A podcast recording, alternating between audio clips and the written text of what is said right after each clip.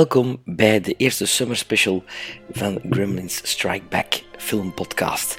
Het is te zeggen de eerste uh, summer special van deze zomer, van 2019. Normaal gezien zou Bart die eerste summer special voor zijn rekening nemen, maar door onvoorziene omstandigheden is deze beurt dan toch uh, naar mij gekomen. Um, en mijn summer special dit jaar is niet zoals de andere jaren het uh, voorlezen van een filmmagazine of, wat heb ik nogal eens gedaan, een, een filmmuziek uh, special. Nee, dit jaar heb ik gekozen voor iets heel persoonlijk met de toepasselijke titel Starstruck of The Close Encounters with the Famous Kind.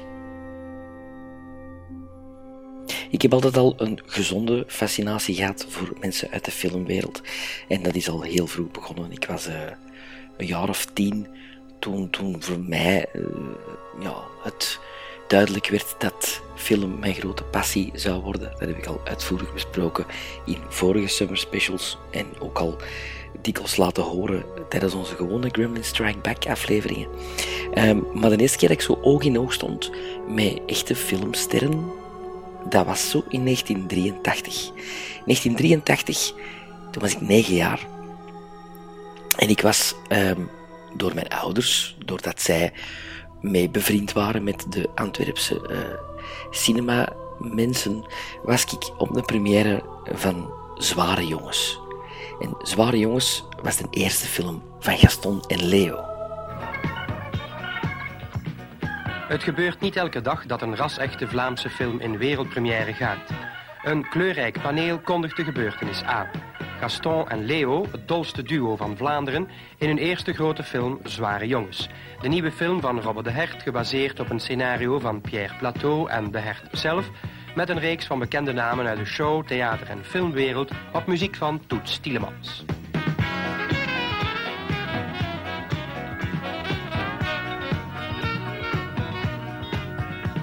De zware jongens werden op de premièreavond zwaar geboeid in een boevenwagentje aangevoerd om bevrijd te worden door minister Poma. En onder luid applaus van een enthousiast publiek in Cine Signor de wereldpremière van een dolle fratse bij te wonen.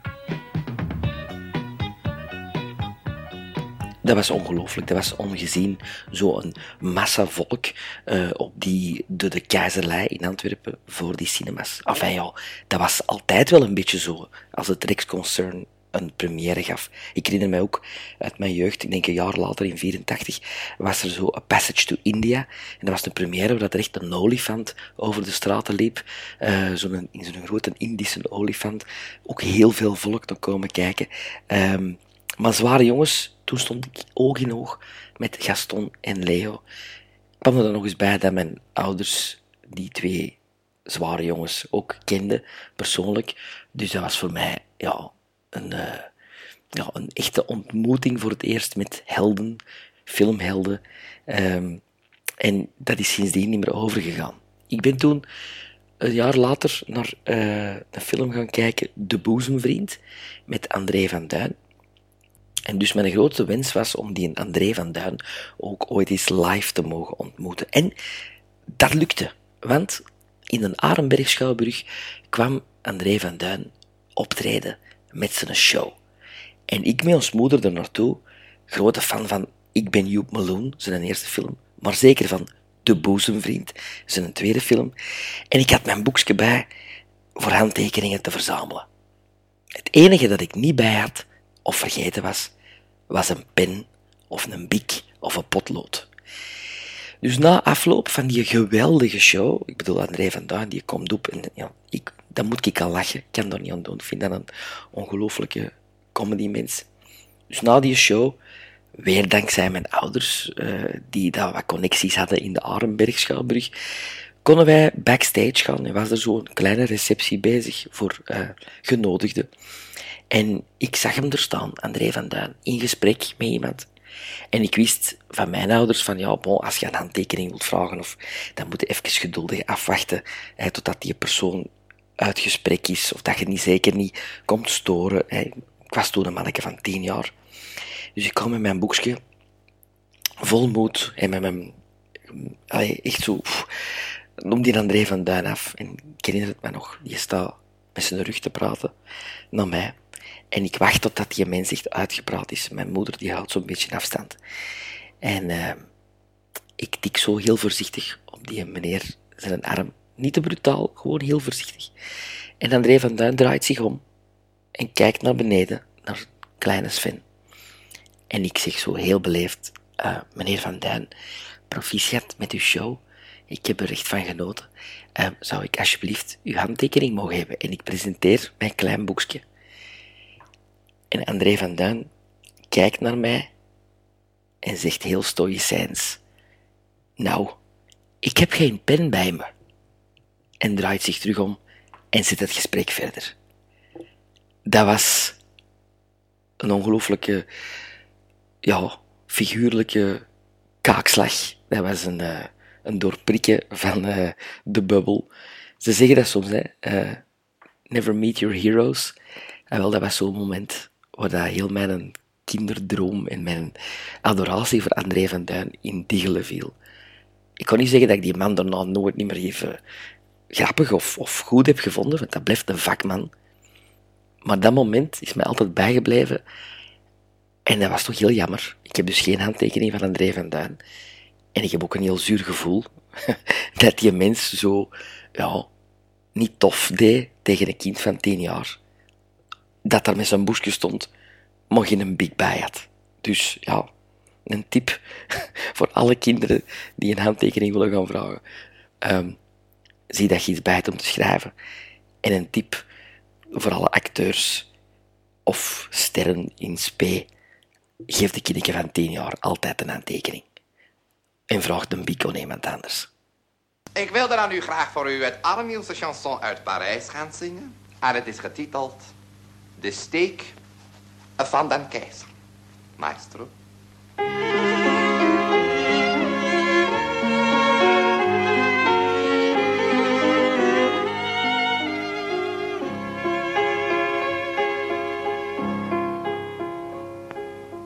Het leger stond bij Austerlitz, de vijand in het verschiet.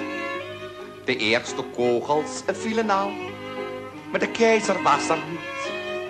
De keizer jakte in zijn tent, ik ben nog niet gekleed. Waar is nou toch dat kleren ding? Is er niemand die het weet? Het was een groot schandaal. En ze riepen allemaal.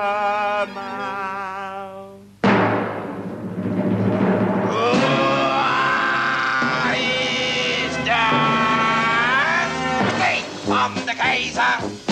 Waar is de steek, waar is de steek van de keizer? Waar is de steek? Hij zoekt hem al een hele tijd. Waar is de steek van de keizer? Je zou denken dat na zo'n ervaring met André van Duin, um, dat, uh, dat die een impact op mij als kind uh, een heel ander uh, idee teweegbracht tegenover mensen die helden zijn, filmsterren. Maar nee, niets was minder waar, want ik werd vastberadener om die mensen te ontmoeten en om daar van gedaan te krijgen wat ik wou. En in de tijd was dat handtekeningen verzamelen. Dat was mijn uh, grootste uh, hobby op dat moment, buiten alles wat met film had te maken. Dus ja, dat, dat boekje, dat staat ondertussen vol. Ik heb toen handtekeningen gekregen van Herbert Flack. Ehm, maar ja, die kende ik dan ook zo via mijn ouders. Dus dat was, ja, dat was zo we zullen dat al eens doen voor de Sven. Hè. Later is Herbert Vlak dan mijn, mijn leraar geworden. Uh, wie staat er nog in? Uh, in dat boekje? Yvonne Verbeek staat erin. Tony Bell staat erin. Um, uh, Wil Verdi staat erin. Enfin ja, zo, echt de, de van toen. Van hier, vanuit uit Vlaanderen. Uh, en dan meer bepaald zelfs nog vanuit Antwerpen misschien. Maar in 1985 maak ik een reis naar Londen met mijn ouders. En mijn ouders waren zot van, van uh, Londen en van de theaterdistricten en van uh, veel theater gaan kijken en musicals gaan kijken. En er is zo een, een restaurant in Londen waar je na afloop, er zijn er meerdere, maar toen was dat echt zo, dat restaurant, waar je na afloop kon gaan eten, een beetje zoals Sardi's in New York, waar dat tegen de muur allemaal foto's hangen van acteurs die ooit in Londen hebben gespeeld op de West End. En dat is een after theater dinner dat je daar dan doet. Um, en daar gingen we nogal vaak eten dan na de show, nooit voor de show, want dan valt in slaap, terwijl je zien ze, van het eten dat aan het verteren is. Dus na de show gaan we eten, 85. Um, ik was toen 10,5, nog net geen 11. En wie zit daar te eten in dat restaurant? Robert Vaughn. Well, actor Robert Vaughn, best known for his role in the 1960 series The Man from Uncle, has died. Vaughn played the suave secret agent Napoleon Solo in the hit series, which ran from 1964 until 1968. Vaughn was nominated for an Oscar for the 1959 film The Young Philadelphians. He was also in the classic western The Magnificent Seven. Robert Vaughn, de acteur van The Man from Uncle, de televisiereeks, maar ook van Bullet met Steve McQueen. The Towering Inferno met Paul Newman. The Magnificent Seven, een van de originele Magnificent Seven. Maar die films kende ik toen nog allemaal niet. Voor mij was dat Ross Webster uit Superman 3. Robert Vaughn is a terrific actor who gained national acclaim for the first time, I guess, nationally, as Napoleon Solo in the 1960s in the TV series on NBC called The Man from Uncle, a man with a lot of dots between every letter. Now he has gone from good guy, which he was then, to a bad guy, which he is now in Superman 3, the nemesis of Chris Reeve, Superman, and Clark Kent. Good morning. You like playing a villain? I like very much. I love it, yeah. Particularly this kind of villain. Anybody who tries to kill Superman, my son here is going to have a lot of trouble explaining it at school. when it's time for adventure, it's time for Superman. Alexander Salkind presents Christopher Reeve and Richard Pryor in Superman 3. Dus ik zit daar met mijn ouders aan tafel in een restaurant en ik zie in mijn ooghoek Robert Van door zitten met zijn vrouw en uh, zijn zoon, denk ik dat dat was. Uh, die iets ouder was dan ik. Ik denk 13, 14 jaar, als ik me goed kan herinneren.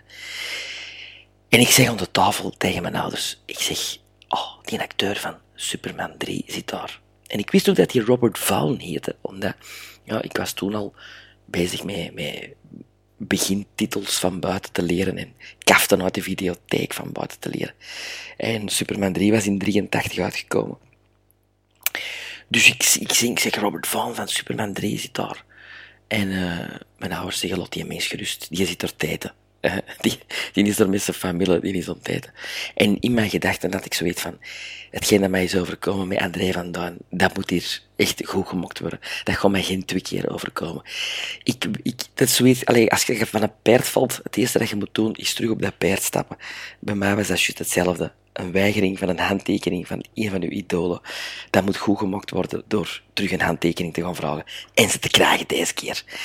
Dus ik pak een uh, papiertje van het restaurant, van de tafel. Ik vraag ons ma een bik. Ik denk, hè, geen twee keer.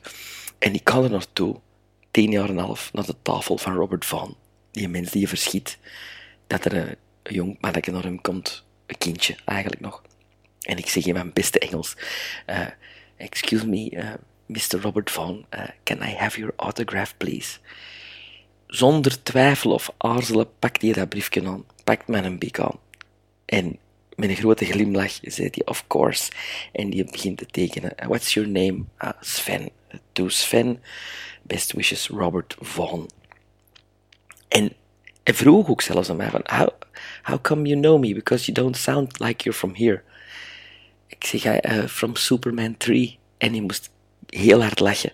En je zei toen ook nog zo van, oh, most people know me from The Man from Uncle, but uh, you know me from Superman 3. That's nice. Uh, die was super vriendelijk, super aardig. Ik heb die mensen ook voor de rest gerust gelaten. Ik ben direct terug met die hand. Ik zeg thank you. En dan uh, terug naar de tafel gegaan. Uh, ons moeder ons vader al aan betaald dat ik dat gedaan had. Maar ik was blij, want ik had mijn handtekening van Robert Vaughn. I conquered André van Duin. Oh, ik was blij.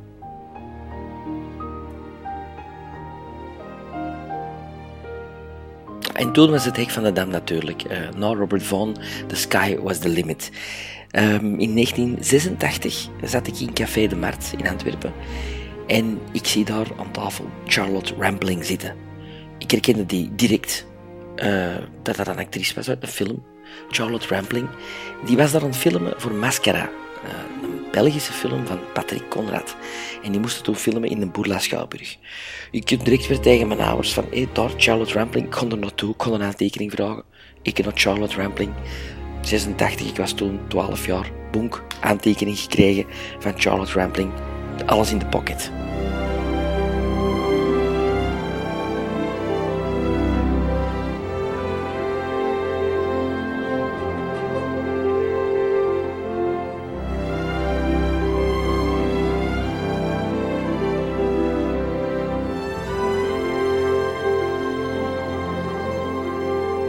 Lang voor de uh, Comic-Cons en conventions en consorten um, waren er toch nog een hoop acteurs die ook zo af en toe eens uh, uh, signeersessies hielden in, in Hollywood. En in 1990 was ik voor de eerste keer op uitwisseling naar mijn Amerikaanse familie. Even ter verduidelijking. Um, ik heb zo een een foreign, exchange student program meegedaan, waarbij dat, dat ik zo uh, twee maanden in de zomer bij een Amerikaans gezin vertoefde um, en daar ook summer school liep, een beetje als taalbad, als taalstage. Die familie waar ik bij terecht kwam, uh, de familie McDonald, ja, het is een beetje typerend misschien, maar ja, het was ook zo. Dat was een keitoffe familie en die hebben mij de gedurende negen jaar daarna uh, teruggevraagd. Dus ik ben eigenlijk negen zomers, of bijna tien zomers, elke zomer in, in Amerika geweest bij die familie. En die verhuisde nogal. Uh, dus dat was heel tof. En ik heb zo'n heel groot stuk van Amerika kunnen zien. Maar in de beginperiode, dus de eerste jaren, woonde die in Californië. En ja, Californië, dat is natuurlijk ook Hollywood en dat is natuurlijk ook Sunset Boulevard. En daar op Sunset Boulevard was een uh, grote winkel die niet anders verkocht als gehandtekende affiches of gehandtekende foto's of memorabilia. Dat was zo een hele hoek, herinner ik mij, uh, op Sunset Boulevard en Street. Uh, dat was echt zo een mekka om te zijn als filmfan. En met de regelmaat van de klok waren daar acteurs die daar achter een tafeltje kwamen zitten uh, en die dus aantekeningen kwamen uitdelen. Het is te zeggen, je moest die kopen.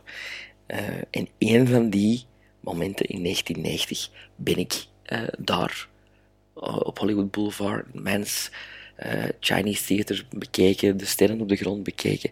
En ik zie daar effectief een affiche hangen. Niet, groter dan de A4 sign, uh, autographed signing uh, Al Pacino tussen uh, 4 en 5. En ik dacht, deze, deze kan niet. Dus tussen 4 en 5 komt Al Pacino handtekeningen uitdelen. Of kun je handtekeningen kopen van Al Pacino. Uh, moet weten, in 90, Al Pacino was toen juist op de rebound. Hij had toen juist um, Revolution gemaakt in 85, wat niet echt goed ontvangen is geweest. En ik denk Sea of Love was toen ook juist uit. Dat was een beetje zo'n, zo'n, ja, zo'n comeback film, Sea of Love, met Alan Barkin.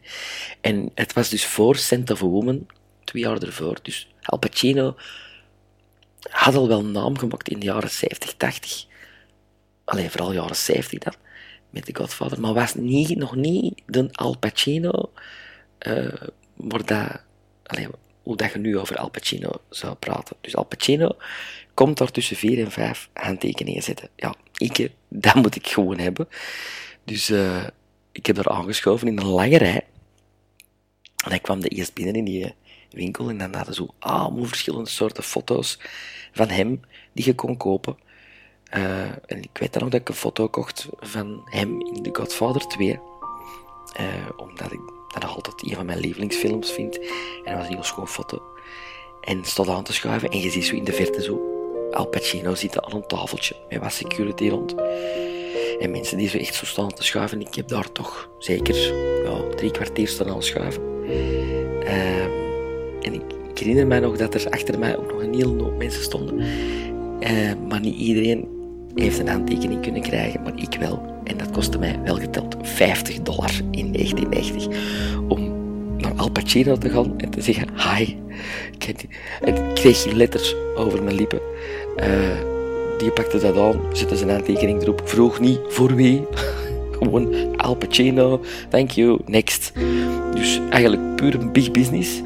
Maar ik heb toch wel als een beetje pièce de résistance een handtekening van Al Pacino live door hem gezet.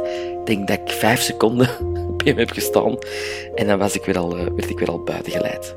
Maar het was de moeite. In 1991 was ik voor een tijdje in New York met mijn ouders. Um, en daar heb ik wel heel veel sterren gezien in New York. Omdat, ja, dat is anders dan in L.A. natuurlijk. In L.A. moet voor alles de auto pakken, maar in New York doe je heel veel te voet. En um, die een bepaalde zomer in New York heb ik achtereenvolgens uh, Ben Gazzara, Lauren Bacall, Jackie Mason en Charles Bronson gezien. Ben Gazzara stond plotseling in de lift, terwijl ik met onze pa in de lift stapte. En we zagen alle twee naar elkaar van... Ben hier neffen. Zonder het uit te spreken, maar wel met hem te bezien. Maar de volgende verdieping stapte hij al terug uit en ik had een tijd niet om een aantekening te vragen. Maar ik heb hem wel up close gezien. Lauren Bacall, dat was dan weer iets anders. Dat was met ons moeder in New York. Ons moeder ging uh, graag naar de, naar de coiffeur als we op reis gingen. Eh, in New York, in het hotel. Dat had dan zo'n coiffeur en dan ging die naar de kapper. En uh, neven zat Lauren Bacall. en wij hadden afgesproken in de lobby daarna. En dus ik ben aan het wachten op ons moeder, die uh, uit, de, uit de kapper komt met ons vader. En ik zie onze moeder buiten stuiven en zeggen van, weet je wat er van mij zat? Lauren Bacall, Lauren Bacall. En Lauren Bacall stapt een paar seconden daarna uit die kapperszaak en uh, pakt de, uh, de roltrap naar boven. En ons moeder, ja, ik heb het van geen vreemde, denk ik, die schiet daarachter. Uh, en wij stonden met twee zo, wat, wat gebeurt er, wat gebeurt er? En die schiet erachter op de roltrap. En die wacht tot Lauren Bacall boven is. En ik zie ze er zo staan. En ze doet er zo een uitleg tegen. En Bacall stapt deur. En ons moeder komt terug naar beneden. Dus ik denk van, oei, wat is daar gebeurd? Ik zeg, en, en, Hazer. En al zei ze... Um, ik was daarachter ontlopen en ik zei... Mrs. Bacall, Mrs. Bacall, can I have your autograph? En Lauren Bacall draaide haar om en zei... It's Miss Bacall. en loopt gewoon terug door. Dus eigenlijk heeft ons moeder daar met Lauren Bacall een André van Duineke gehad.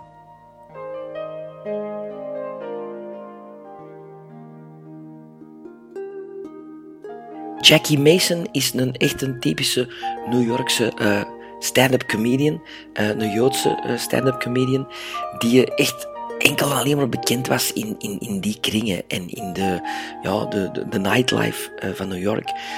En die stond op straat voor zo'n New York deli, waar ze zo uh, bologna sandwiches en pastrami sandwiches verkopen. Stond die zo op straat zo gewoon met te wachten, denk ik, op de taxi. En we zijn er aan het wandelen, ons vader en ik, op straat. En ik passeerde je. En ik zeg, ik ken je, ik ken je, ik ken je. En, en ik was me aan het herinneren van waar ken ik die mens, van waar ken ik die mens, van waar ken ik die Tuurlijk, Caddyshack 2. What goes around, comes around. Welcome back to Caddyshack. Hey, Ty, you're looking well. Hey, nice to see you, Vinny. Uh, Ted, whatever. Bushwood Country Club. So, you want to join old Bushwood, huh? Where snobbery's a way of life. We just don't feel your Bushwood material. I want to buy Bushwood Country Club. Well, let me ask you this. Do I own it? But now its members are gonna get what they deserve. What do you think? Isn't it great? Huh? It's great, huh? Isn't it? Huh? Good God. The Shack is back. Our members will never stand for this. It's a story of high culture. Woo! I was looking for a polygrip. No, no. That blue stuff you put your combs in. No. And subculture. I got you now, you little furry freak. Sophisticated ladies. Ooh, you did that on purpose. Well, I won't be a caddy all my life. I'm going to car wash school in the fall. And perfect gentlemen. Have you ever seen a crisp $50 bill? I tell you what, if I pull the arrow out, will you please suck out the poison for me? Caddyshack 2. Is there any money in it for me? In Caddyshack 2 had Jackie Mason zowat de Rodney Dangerfield-rol uit Caddyshack 1, zowat de witty Jewish uh, um, uh, comedy guy die zo de ene uh, ja, mop naar de andere lanceert. Ik dacht, dat is die ene van Caddyshack 2. Dus ik draai mij terug en, en ik had niks voor te schrijven bij, maar ons vader had wel een fototoestel bij. Ik zeg, excuse me, uh, uh, can I have my picture taken with you? En die zo heel vriendelijk, ja, sure, why not? Uh, en nog zo bij moppetjes hier en moppetjes daar. foto getrokken met Jackie Mason. Achteraf dan pas gaan opzoeken. Ah ja, zijn naam is Jackie Mason. Want zijn naam was mij natuurlijk ontgaan. Diezelfde reis van New York vliegen we terug naar Brussel en we zitten te wachten in de lobby van American Airlines. En ik zie daar toch wel Charles Bronson zitten, zeker. De Charles Bronson. De man van Death Wish. Wauw. Ik zeg, deze is niet mogelijk. En ik stoep zo tegen ons moeder. Zie daar, Charles Bronson, ons vader, die heeft stilletjes gehad met mijn obsessie. Die, lot die mens gerust, stop daarmee. Zeg, nee, nee, nee. nee echt, allee, dat kun je niet laten passeren. En ik had toen een hemd aan met allemaal uh, filmsterren op. Uh, Zwart-wit hem. Uh, wie stond erop? Humphrey Bogart, Lauren Bacall stond er ook op. Uh, Ingrid Bergman. Uh, en, en ik droeg toen ook zo'n gouden ketting, want dat was zo in een tijd, uh, was dat zo uh, mode, dat je zo een ketting droeg. En ik zeg, kom aan, tegen ons moeder, ik zeg gewoon er toe. Ze hebben een fototoestelletje mee. Ik zeg, excuse me, Mr. Bronson, can I have my picture taken with you? En die bezien mij stoïcijns ook. En die, met uitgestreken smoel, zei hij zo, yeah, if I can have your necklace. Maar met zo'n serieus, dat ik echt bereid was om die ketting uit te doen en die aan hem te geven. En dat was zo'n paar seconden in mekaars ogen kijken, zo van, oké, dan moet het maar, hè, dan moet ik die ketting. En net, net voordat ik eigenlijk die ketting wou gaan uitdoen, zei hij, just kidding, take the picture. Klak! Een foto met Charles Bronson. Ja, niet moeilijk dat ik zot zijn van films. Still to come on Showbiz Today, behind the scenes with Charles Bronson. Charles Bronson is back in front of the cameras after taking a break because of the illness and death of his wife. On the set of one of his latest projects, he spent a rare moment in front of our cameras with Sherry Sylvester. I used to come down here when I was in the Air Force over at Kingman, Arizona. And it's all changed. You see that building? That was like a new, I'm talking to you. That building was like new when I first came here. The buildings around his Los Angeles film set may be showing their age, but the years have been kinder to Charles Bronson. At 71, he can still shoot a high-speed chase and is arguably more energetic than his years younger crew. Okay, guys, let's uh, stand by to move out here. Born Charles Buczynski, he worked in the coal mines with his 14 siblings and served as a tail gunner in the Air Force before coming to Hollywood. His toughness played out on screen in films with tough names. Death Wish, Messenger of Death, Assassination.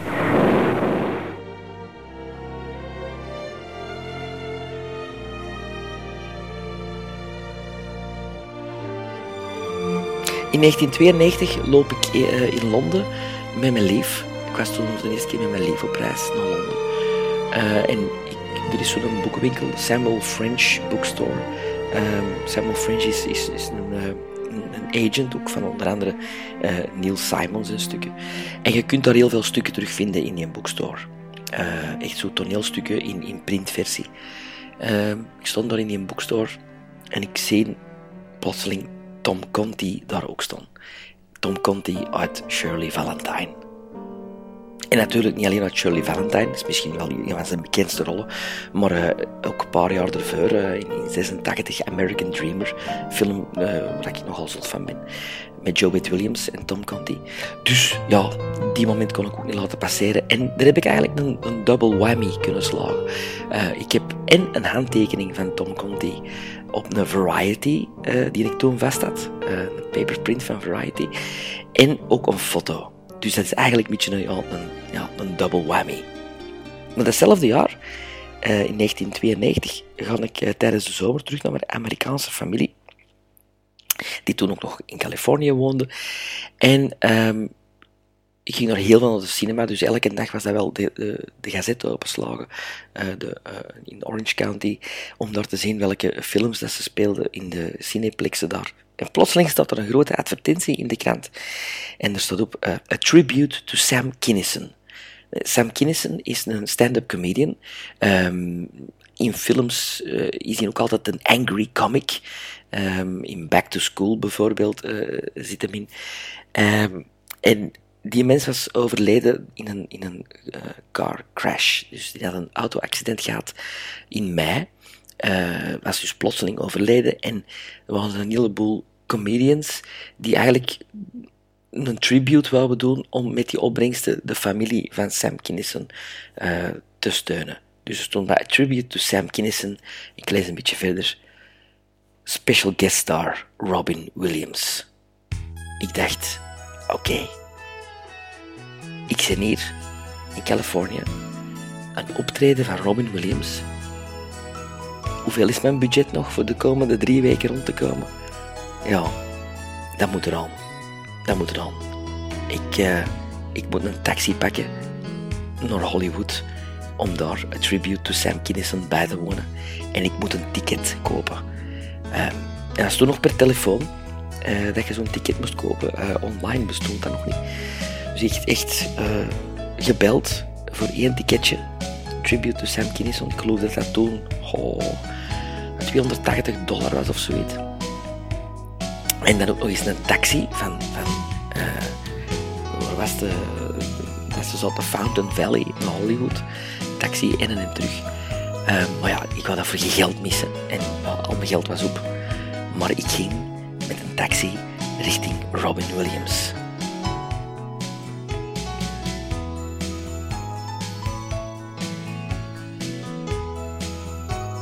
Dus ik kom daar aan in Hollywood met een taxi.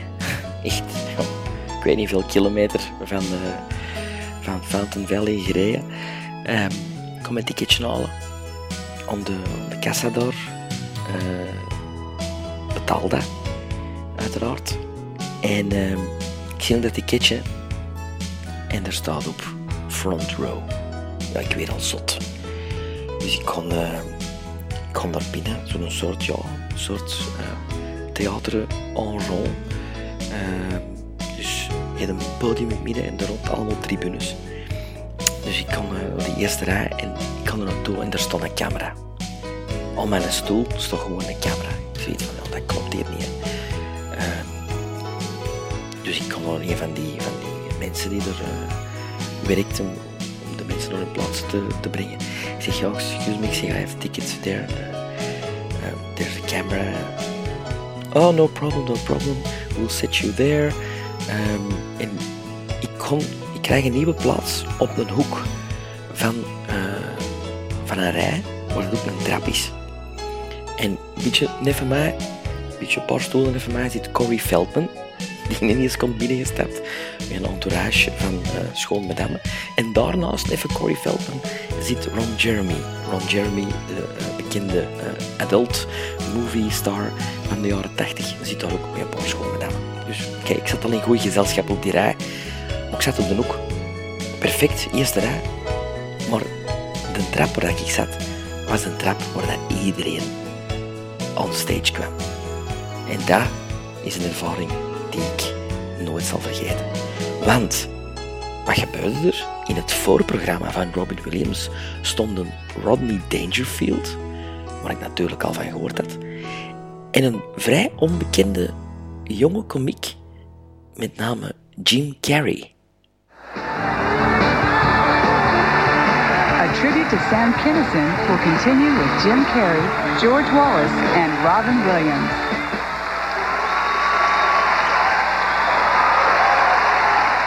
I had the power to make miracles, oh man, that'd be real fun.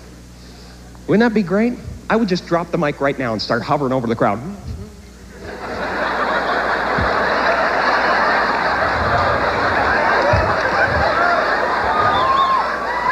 Send you guys to the parking lot like, "Ah, it's really happening.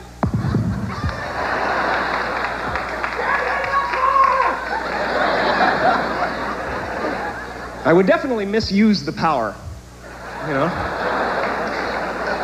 This was uh, one of Sam's favorite bits that I used to do, and uh, and I wanted to do this for him because I love him and uh, I learned a lot from him, and uh, this is for him.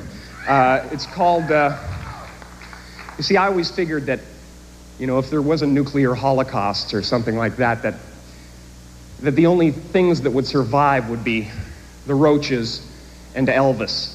Uh, he has such staying power, you know. So, so I'd like to do something for you now. It's called post-nuclear Elvis. This is for Sam. En Jim Carrey was ongelooflijk. Dat, dat was een snelheid van grappen. Dat was de, allee, die kreeg heel de zaal plat. En ik had er eigenlijk, joh, eerlijk gezegd, nog nooit niet van gehoord, van Jim Carrey. Ehm, maar later, toen dat ik vertelde aan mijn Amerikaanse familie dat Jim Carrey in het voorprogramma zat, hadden die zoiets van, wow, wow, wow. Je hebt niet alleen Robin Williams gezien, maar ook Jim Carrey. Uh, er komt volgend jaar een film uit, Ace Ventura, waar iedereen al over bezig is van, dat wordt de comedy hit uh, van 94. Dus ik had eigenlijk, voordat Jim Carrey uh, zijn grote boom had en zijn bekendheid kreeg wereldwijd, had ik die al live gezien, ontweer ik. en ik moet eerlijk zeggen, ja, no wonder he became a big star. Want wat dat daar deed, dat was echt super grappig. Maar dus Jim Carrey was voorbij mij gekomen, waar ik zat. En, en ja, ik heb die gewoon op die eerste rij kunnen aanschouwen. Maar dan kwam het, dan kwam Robin Williams als hoofdact. En dat was, dat was ongelooflijk. Robin Williams komt van een trap, geeft zo aan de mensen een high five, links en rechts en links en rechts. En aan mij ook. Dus ik heb een high five gehad van Robin Williams, vlak voordat hij op de scène gaat. Dan heeft hij dan een set gegeven. Ja, ik was volledig in trance. Want ik had gewoon een high five gekregen van Robin Williams. Dat is beter dan een foto. Dat is beter dan een handtekening. En het toppunt van al. Als de set gedaan was, ging Robin Williams terug af en was er maar één die een high five kreeg. En dat was ik. En zelfs als ik het nu vertel, um, schieten mijn ogen vol met tranen. Want dat was een ongelooflijk gevoel. Die een ene alleen high five krijgen van Robin Williams. Onbeschrijfelijk gevoel. Zal ik voor de rest van mijn leven meedragen. Maar voor een... Ja, dat was echt meeting a god dat moment touching a god. En als je het niet wilt geloven, heel de tribute to Sam Kinison staat op YouTube. Jaren daarna heb ik dat teruggevonden op YouTube. Dankzij YouTube kun je nu zien dat ik, zijn de 18 jaar, op de eerste rij zit met een hemmetje met sterkjes, een rood hemmetje met witte sterkjes. En dus uh, twee keer een high five krijg van Robin Williams. Eén keer als hij opkomt, dat hem iedereen een hand geeft. Maar één keer dat een deur gaat. En echt, ja, een, bijna een, een, handshake, zo gelijk als dat de bikers om elkaar geven. Zo. Bijna dat. Uh, je herkent mij, als je mij kent, zie je dat ik het ben. Ik, ik weet het natuurlijk dat ik het was. Uh, het, is, is een, is een beetje flow, een beetje wazig, maar toch, als je het in slow motion afspeelt, of als je het een paar keer achterin ziet, het, is... Uh, want dat was ook nog het fantastische dan. Ik wist dat er dus camera's stonden, want op mijn oorspronkelijke, oorspronkelijke plaats stond een camera. Uh, maar ik heb dat dus nooit op tv gezien. Tot enkele jaren geleden. Toevallig denk ik gewoon eens zoeken naar Sam Kinison naar die tribute zou dat op YouTube staan. Bam, dat staat op YouTube. En bam, ik krijg daar de, ja, de touch of a god. Onvergetelijk. Topmoment.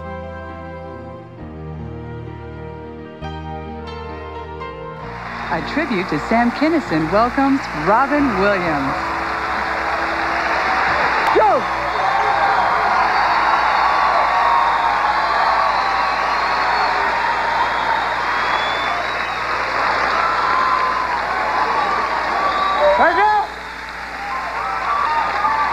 Very strange stage. This is either like one of those mazes for rats on speed where they go, okay, I know. Oh, man, I prefer the wheel. I want to be on the wheel. Maybe this is what a sperm sees. He gets up there going, okay, okay. Oh. Wait a minute, that's the lower intestine. Okay. Okay, uh, urethra. Oh, a little respect. No, wrong one. Okay. Oh. We have entered into another zone. Brother Sam has gone on. I know when he got to the gates of heaven, it must have been interesting. I'm sure they have the maitre d'. There's Peter up there going, all right, uh, next. Sam gets up there. Small line, a couple billion people. Gets up there, hey, hey, hey! Hey, I'm on the list. I've got backstage access. It, give me a Wait, wait a minute. Hey! Ah! Peter, I know you. I know Jesus too. Remember that? I'm going in. Goes in, there's Elvis going, Sam. How you doing? There's Kennedy going, ah, Sam, uh, you know Marilyn, come on by.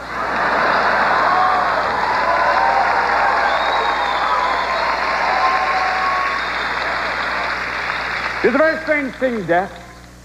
Obviously, sometimes if they leave you intact, they put you in a box, give you a smile on your face like you have gas.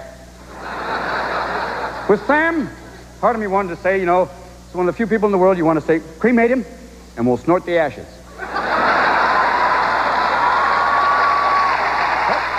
De zomer daarop, de zomer van 93, die slagen we even over. Daar komen we straks naar terug. Maar ja, de zomer van 93. Wat ik toen heb meegemaakt, dat is dat, dat, dat, ja, dat gaat zelfs nog een stap verder uh, dan de handshake van uh, Robin Williams. Um, dus we springen een beetje verder in de tijd naar 1994. In 1994 uh, ben ik even reporter geweest voor Joepie en voor Dag Allemaal. het is ik heb dat een jaar of drie gedaan. Um, ik heb toen de films besproken in Dag Allemaal en in Joepie. En heel af en toe was er toen nog eens een soort van interview dat ik mocht doen en mijn eerste interview dat ik ooit heb mogen doen, uh, was in 1994 met Jamie Walters. En, en wie is Jamie Walters? Wel, Jamie Walters is een acteur, zanger uit The Heights. Een reeks die na Beverly Hills 90210 een beetje zo de nieuwe uh, hype moest worden. Maar dat misschien niet echt geworden is. Maar deze nummer, dat zal toch wel een belletje doorrinkelen.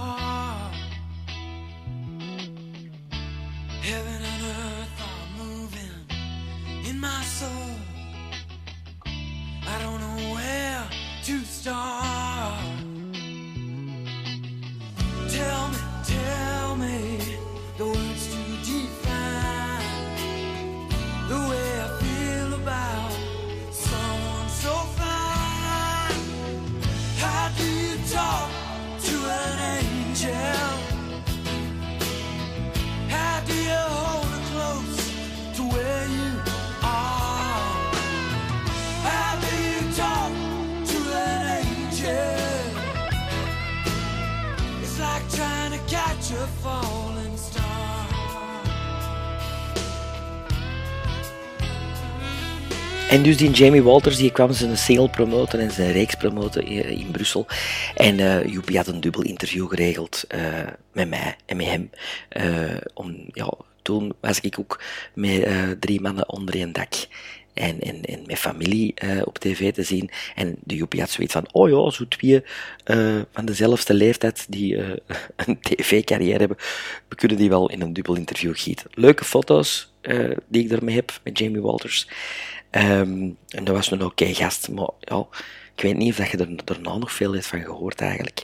en dan in 1995 heb ik mijn tweede en tot hiertoe laatste interview um, mogen doen. En dat was naar aanleiding van de film Sabrina met Harrison Ford. Maar nee, het was niet met Harrison Ford. Het was met een toen nog onbekende Greg Kinnear. Uh, die ik dan wel kende, want door heel veel in Amerika te zijn uh, in, tijdens de zomermaanden, had ik die al eens gezien. En die had een tv-programma en dat heette uh, Talk Soup. Maar eigenlijk Talk Soap en die besprak daar op een heel komische manier de hoogtepunten van de week in de, de soaps, uh, zoals uh, Days of Our Lives en All My Children. En die, die babbelde daar eigenlijk grappig aan in, alle hoogtepunten uit de soaps van de afgelopen week. En met een beetje commentaar ook. Een leuk programma. En zo ben ik Greg Kinnear voor het eerst, heb ik die voor het eerst gezien. En dat was een van zijn eerste rollen dat hij speelde in Sabrina. En ik had natuurlijk direct een aanknopingspunt als interviewer, omdat ik die een talk soap, talk soap, uh, wel kende. Wat dat die dan ook wel heel leuk vond, dat het niet alleen over de film ging, maar ook, uh, ook, ook daarover. Uh, heel heel een toffe, vriendelijke, aimabele kerel, die Greg Kinnear. What was it like going to high school in Greece? It was great. I was there for about six years. Uh, it took you six years to get through high school? It took me, I said six years we were there. Is this going to be one of those interviews? no, Greg Kinnear did not spend six years in high school. That's how long he lived in Greece, where his father was a career diplomat. Uh, you know, when you, when you have your, your prom in Greece, the great thing is you go to the after party, you're at the Acropolis. Is that right? That's not so bad. Greece was also where he caught the acting bug. I had been interested, uh, done a little acting in high school. I started as a drama major at, at, college at the University of Arizona and then realized uh, I'm never getting a job as an actor. What, what am I doing? What he did was switch to broadcast journalism. And in 1991, he landed the job of host of a new cable TV show, Talk Soup. Hey, no! Come on, I'm joking. Heb ik geen foto mee met Greg Kinnear, omdat er een heel... Ja, die, die was zo die had zo een begeleiding bij, zo'n press uh, uh, agency. En dat was heel afgemeten, dat, mocht, dat interview mocht maar uh, 10 minuten, maximum 15 minuten duren. Ik heb wel een handtekening van hem, hahaha, maar geen foto. maar kom, een hele sympathieke gast. en dan, een paar jaar geleden, ben ik op een, um, wat was dat? Een facts, een factsbeurs. Uh, ik, ik, was toen aan het presenteren voor een programma uh, voor VTM. Ik weet niet hoe dat, dat heette, maar dat was zo'n een programma. Splash, denk ik dat dat heette. Ja, Splash. En in dat programma um, was altijd een, een, een, BV die dat iets mocht doen, of die nog ergens mocht doen. Dat was zo wat de rode loper van de VTM. Um, ehm, en in een van die, van die, van die afleveringen uh, mocht ik naar Factsbeurs gaan in Gent, want wie kwam daar? Uh, een van de Ghostbusters. Op Facts krijg je ook de kans om enkele grote filmsterren te ontmoeten. Ernie Hudson, bekend van Ghostbusters, loopt er ook rond. oh, can I, give, can I shake your hand? Can I, can I say hi? Yeah, I, I guess. No, I'm kidding. no, really, really, it's an honor to meet you. I mean,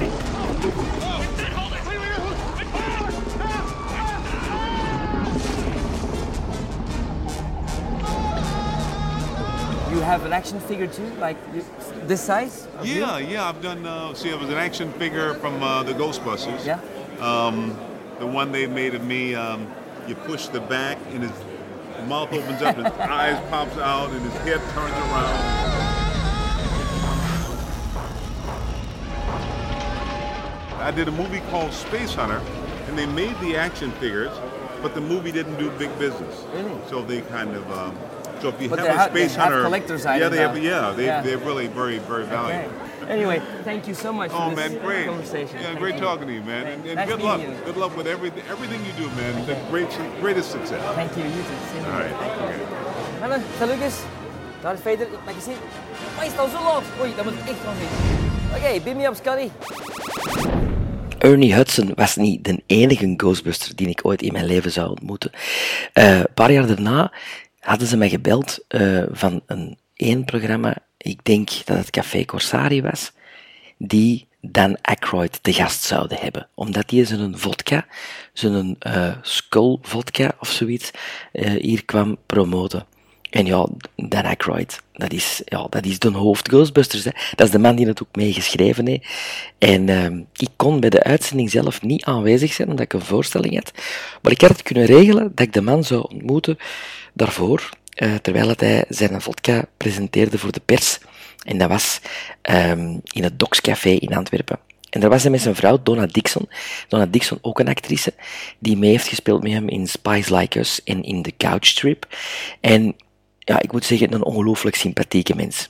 Ik had mijn laserdisc bij van Ghostbusters en ik heb die dan laten tekenen door Dan Aykroyd, maar ook door Donna Dixon. Um, en dan daarna, in de uitzending, had ik natuurlijk een filmpje opgenomen voor hem uh, en daar heeft hij toen leuk op gereageerd. Ja, Dan Aykroyd. Ook een, ja, een topper, hè. Dus ik heb twee Ghostbusters ontmoet in mijn leven. Venkman. Venkman. Venkman. Venkman. Meneer Dan Aykroyd, dank u om mijn leven aangenamer te maken. Ik wil je echt bedanken daarvoor om, om deze film in mijn leven te brengen, want het is een groot onderdeel van wat ik geworden ben.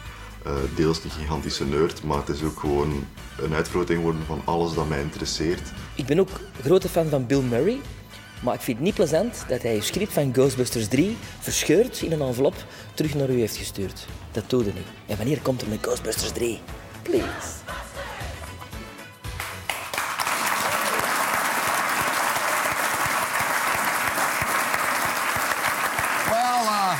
Yeah, Will that? I, I, guess we did something right if we've influenced an entire generation of Belgian comedians. Sure, you Just that alone, right? Absolutely.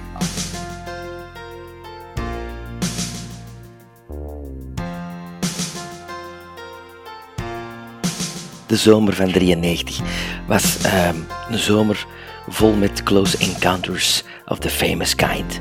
Het begon eigenlijk al toen, uh, toen ik in, in, de States was met mijn ouders. Um, dat was in het begin van de zomer. Uh, voordat ik dus naar mijn Amerikaanse familie ging, hadden mijn ouders ook nog uh, een weekje congé gepland in, in Californië ook. Um, en we waren toen meer bepaald in Beverly Hills.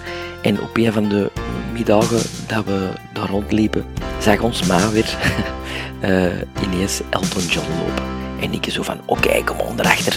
En ons vader was natuurlijk al het een en het ander gewoon van ons. Uh, dus wij erachter, ons vader weer Lottie en Mengs gerust. Nee, nee, nee, nee, dat mocht maar één keer mee, Elton John.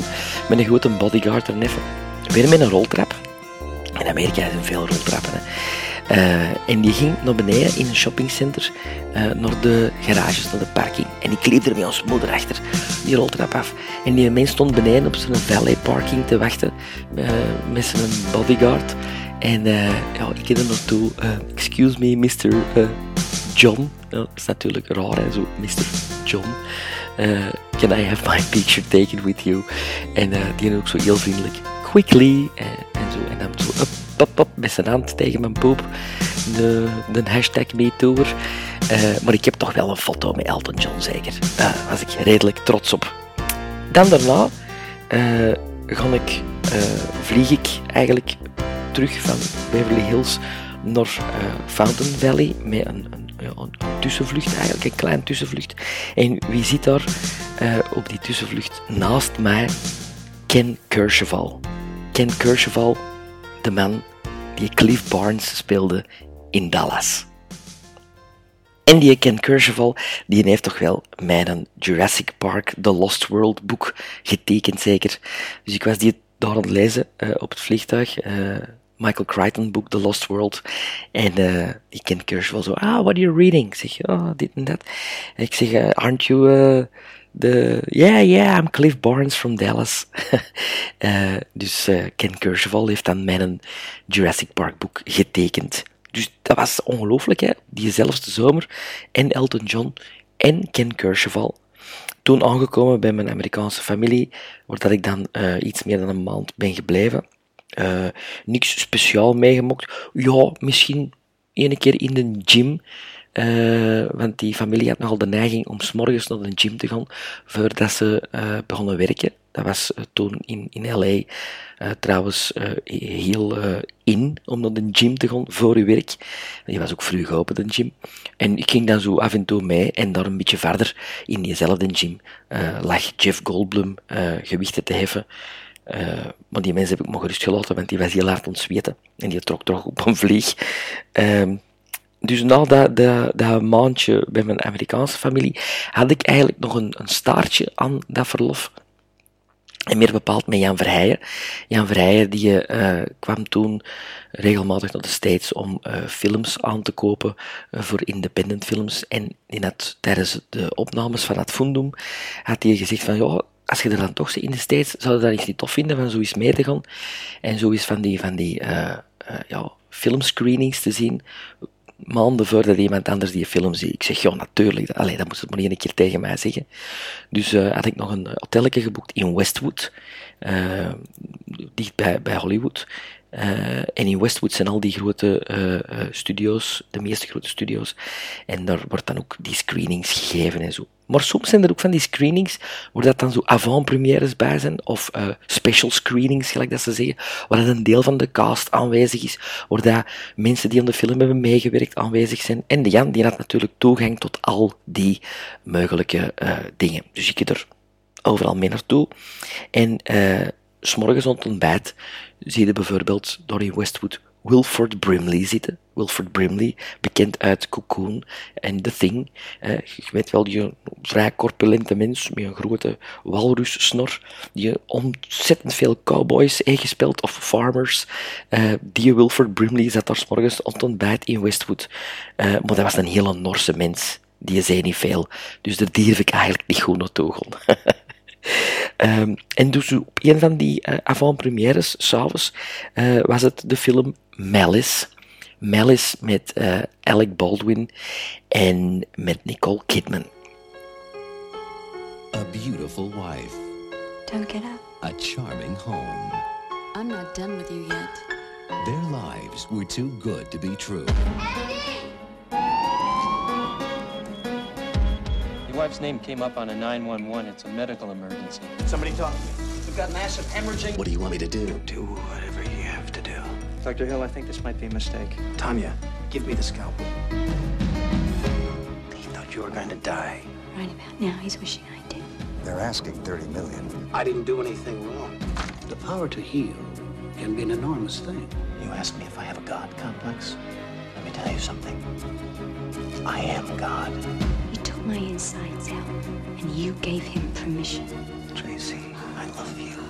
Goodbye, Andy. How well do you know Tracy? She's my wife. I want an explanation. An explanation for what? For how my wife could have been pregnant when her husband's sterile. Me up, I'm freezing. The whole thing was a setup. Were you spying on me? What are you going to do, Andy? I'm running the show now.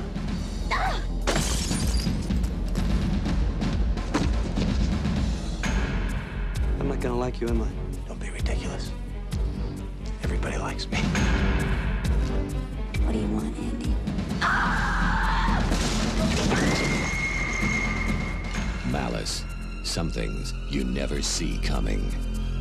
En wie was er op dat feestje daarna, waar dat Jan dan ook was, zag ik door ineens Rob Reiner. Rob Reiner, regisseur van A Few Good Men uh, en Meatball uit All in the Family. En ik had een boek gekocht overdag uh, van Robert De Niro, de, de, films of Robert De Niro. En uh, ik had die bij. En ik had ook een big bij. Sindsdien ga ik nooit meer buiten zonder big. Dus ik kan naar die Rob Reiner, boom van een vent. Zeg, excuse me, Mr. Reiner, can I have your autograph, please? Oh ja, sure, zei hij. Die pakt die een boek van Robert De Niro en die zegt zo naar mij, die zo, you really want me to sign this? Ik zeg, yes, it's the only thing I have. Typical, zei hij zo. waarschijnlijk zo van, oh god, hier, heb jij een boek van Robert De Niro bij. Ik moet een boek van Robert De Niro tekenen. Dus uh, Rob Reiner tekent een boek. Ik draai mij om, wie zie ik daar nog staan? Jerry Goldsmith. Want Jerry Goldsmith, die een, uh, die een had de muziek geschreven voor Malice.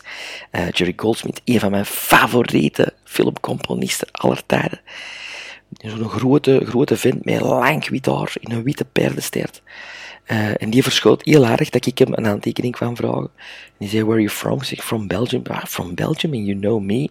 I'm a film composer. Nobody knows the film composer. Ik zeg, ja, zeg, uh, that's my hobby, film music. En daar had hij een babbeltje mee geslagen. Super sympathieke gast. Dus in het boek van Robert De Niro staat de handtekening van Rob Reiner en van Jerry Goldsmith.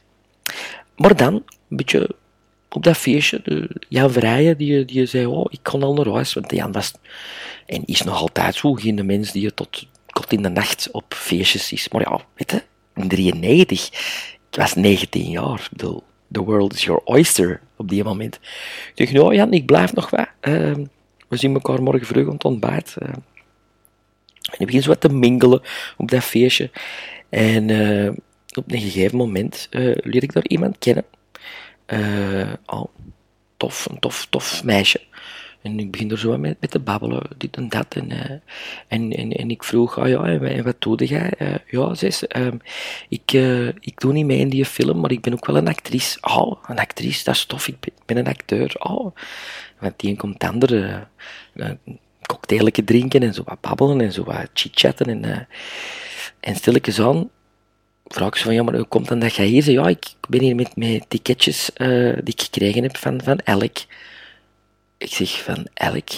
Ja, van uh, Elk, Elk Baldwin, uh, die de, meespeelt in Malice. Ik zeg, wacht, wacht. Jij ticketjes van Alec Baldwin? Ja, ja, ik ken die vrij goed. Um, ja, ze zei, ik zal, ik zal dan maar zeggen, hè, ik ben eigenlijk de body double van Kim Basinger. Ik zeg, ja, allee, hoe bedoelde een body double? Ja, ze, als uh, Kim Basinger uh, sommige uh, naaktscènes doet, ehm, ja, ze wil die niet allemaal niet meer doen, zoals in het begin van haar carrière. En dan doen actrices beroep op een body double, als ze bijvoorbeeld close-ups nodig hebben van bepaalde body items. En ik ben een body double van Kim Basinger en ik, ik ja, ik, ik, ken die goed en, en, en ja, elk die had kortjes voor deze avant-première, omdat hij in die film meespeelt, die had gezegd, oh, ga naar die film. En ik ben hier met een vriendin. Oh, oké, tof, amai, allee, babbelen, babbelen, amai. Dus, hè, closer to, to, to Hollywood uh, gaan niet geraken. Hè. En, um, ze weet je wat zei ze? Uh, als je goesting hebt, morgen is er een feestje in, uh, in uh, Tattoos. En Tattoos is een, een, een nightclub. Waar dat je niet zomaar binnengerokt, maar ik kan haar er wel op de guestlist zetten. Ik zeg, ja, dat, dat, dat, dat wil ik wel. Ja. Want ik was trouwens in datzelfde verlof iets langs de Viper Room geweest. De Viper Room waar de River Phoenix voor de deur is gestorven. Uh, in datzelfde jaar trouwens, in 93 is die daar gestorven, in oktober, voor de Viper Room. Viper Room toen nog uh, uh, eigendom van Johnny Depp. Maar ik heb daar niemand gezien in de Viper Room. Ik heb niet Johnny Depp gezien, ook niet uh, River Phoenix. Ik dacht op een gegeven moment dat ik Johnny Depp langs achter had gezien, ergens onder een toog. Maar ja, dat, misschien mijn fantasie dat, dat, dat daar Johnny Depp van heeft gemaakt. Dus ik dacht, oh, ik wil nog wel zoiets een, uh, een discotheek, nachtclub uh, bezoeken, waar dat, dat misschien wel famous movie stars zijn. En uh, ja, blijkbaar moet ik toch nog een klein beetje een indruk hebben gemaakt, mijn 19-jarige ik, uh, ten opzichte van uh, dat meisje, de bodydouble van Kim Basinger, die trouwens Serena heette. Ehm, niet Serena Williams, maar gewoon Serena. Um, en ze zei, oké, okay, is goed.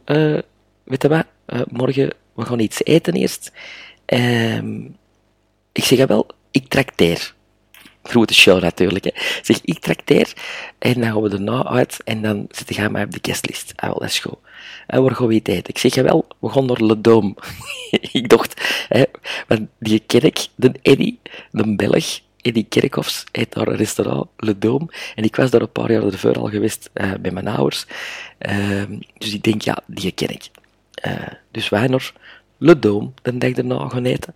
Heel tof. In Le Dome zitten ook altijd filmsterren. Paar tafels voorbij ons zat Sidney Poitier te eten. Uh, heel een toffe avond. En daarna naar tattoos in Beverly Hills. Ja, ik bedoel, ik, ja, ik had uh, toen nog geen rijbewijs. Uh, maar Serena reed met een auto. dus met een, met een open auto over Hollywood Boulevard rijden richting tattoos. Allee, dat, is, ja, dat, zijn, dat zijn filmbeelden. Hè? Dat zijn dingen die nooit niet van hun netvlees gaan. En dat was super plezant. We komen in tattoos. Uh, stonden op de lijst. Ja. En op een gegeven moment komen we er binnen. En wie zit daar?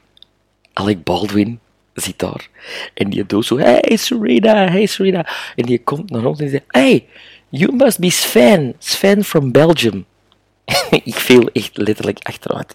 Ik denk, deze, deze maak ik niet mee. Blijkbaar had Serena dat vertelt van, ja, ik kom morgen naar uh, uh, de club, de nightclub Tattoos, uh, en ik breng iemand mee die ik heb leren kennen op de première, of de avant-première van Malice, Sven from Belgium. Dus die Alec Baldwin, die komt, hey, Sven from Belgium, nice to meet you, come on, come on, sit down, sit down, have some champagne, dit en dat, en zo en zo.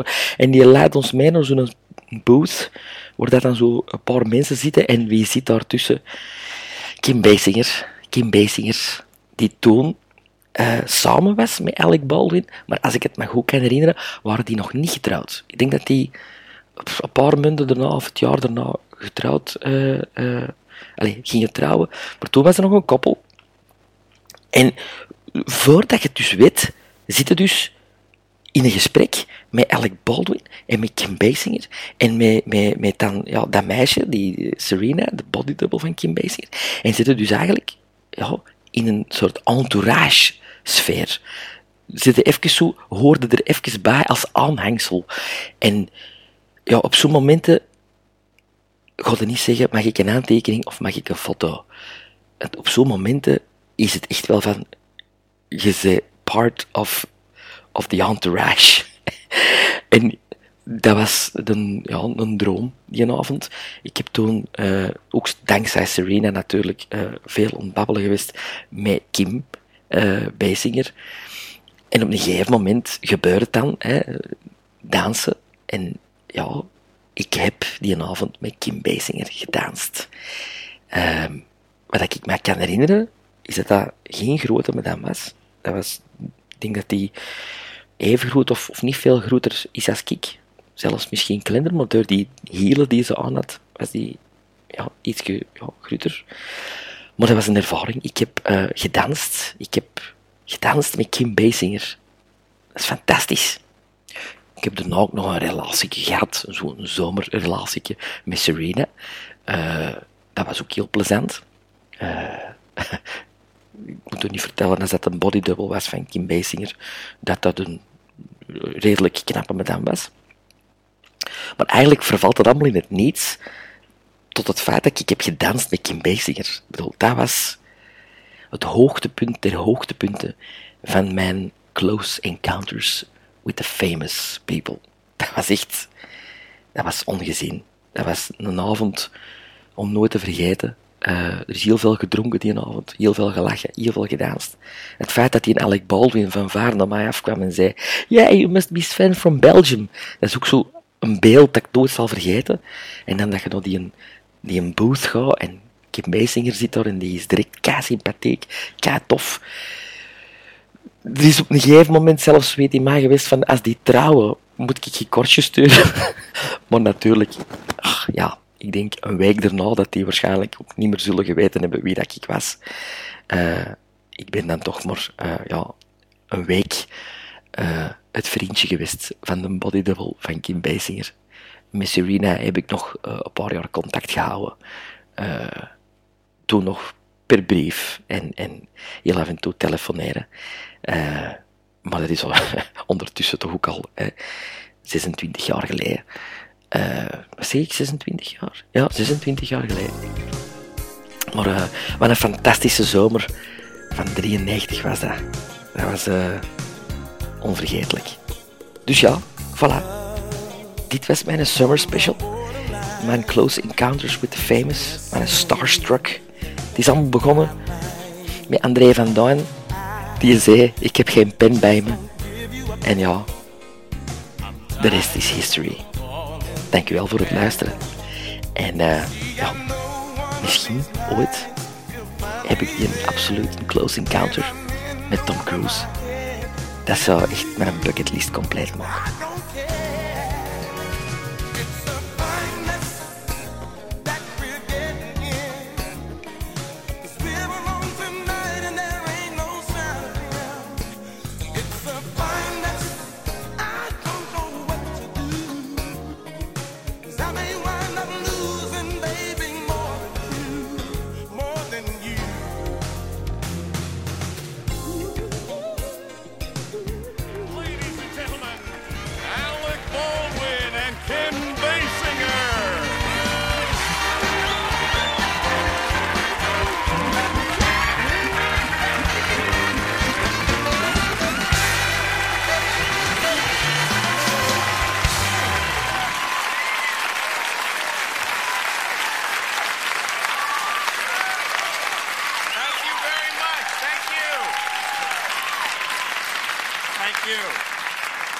It's a thrill to be hosting Saturday Night Live Especially this weekend. because, as I'm sure a lot of you already know, Kim and I are newlyweds. This will be our first Valentine's Day together as husband and wife. Honey, don't be embarrassed, but uh, I love you. I love you too.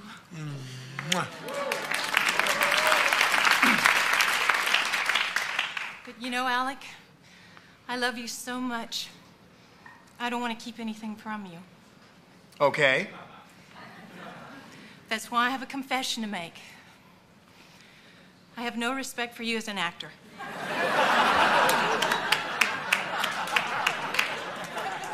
Do you hate me now? Hate you? Hate you? Why, the fact that you could be so honest and forthright with me on national television makes me love you more than ever. That's such a relief. Darling, I have a confession of my own.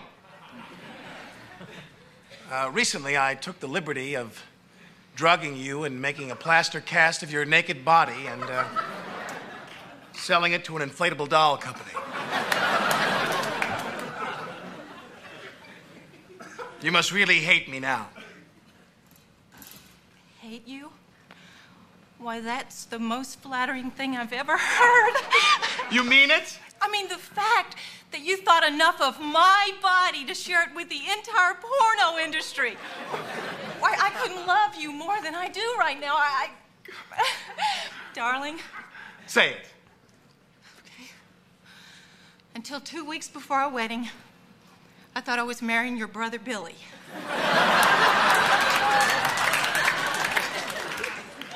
I see.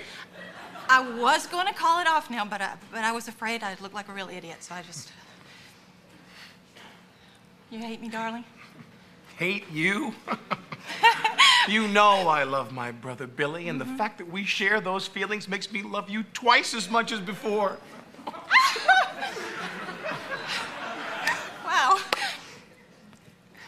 Darling, I want to ask you something, but I'm worried that you'll hate me. Nothing you could say, nothing, would make me hate you. All right. How do you pronounce your last name? Is it Basinger or Bassinger? You hate me for not knowing, don't you? The fact that you would explore every possible way of pronouncing my name. That is the most romantic thing I have ever heard, and I do love you. Oh. I love you. But which is it? Basinger. I love you, Kim Basinger. Basinger. Oh, right, right. Darling, Yes? this is very hard for me to say. So I'm just I'm just gonna say it. I wanted to host the show alone Uh huh. because you're not that funny. And it makes me nervous to be around you.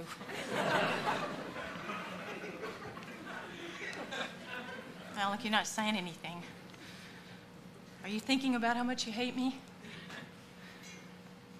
Kim, I am standing here trying to find the words to express how much more I love you than I did just 10 seconds ago.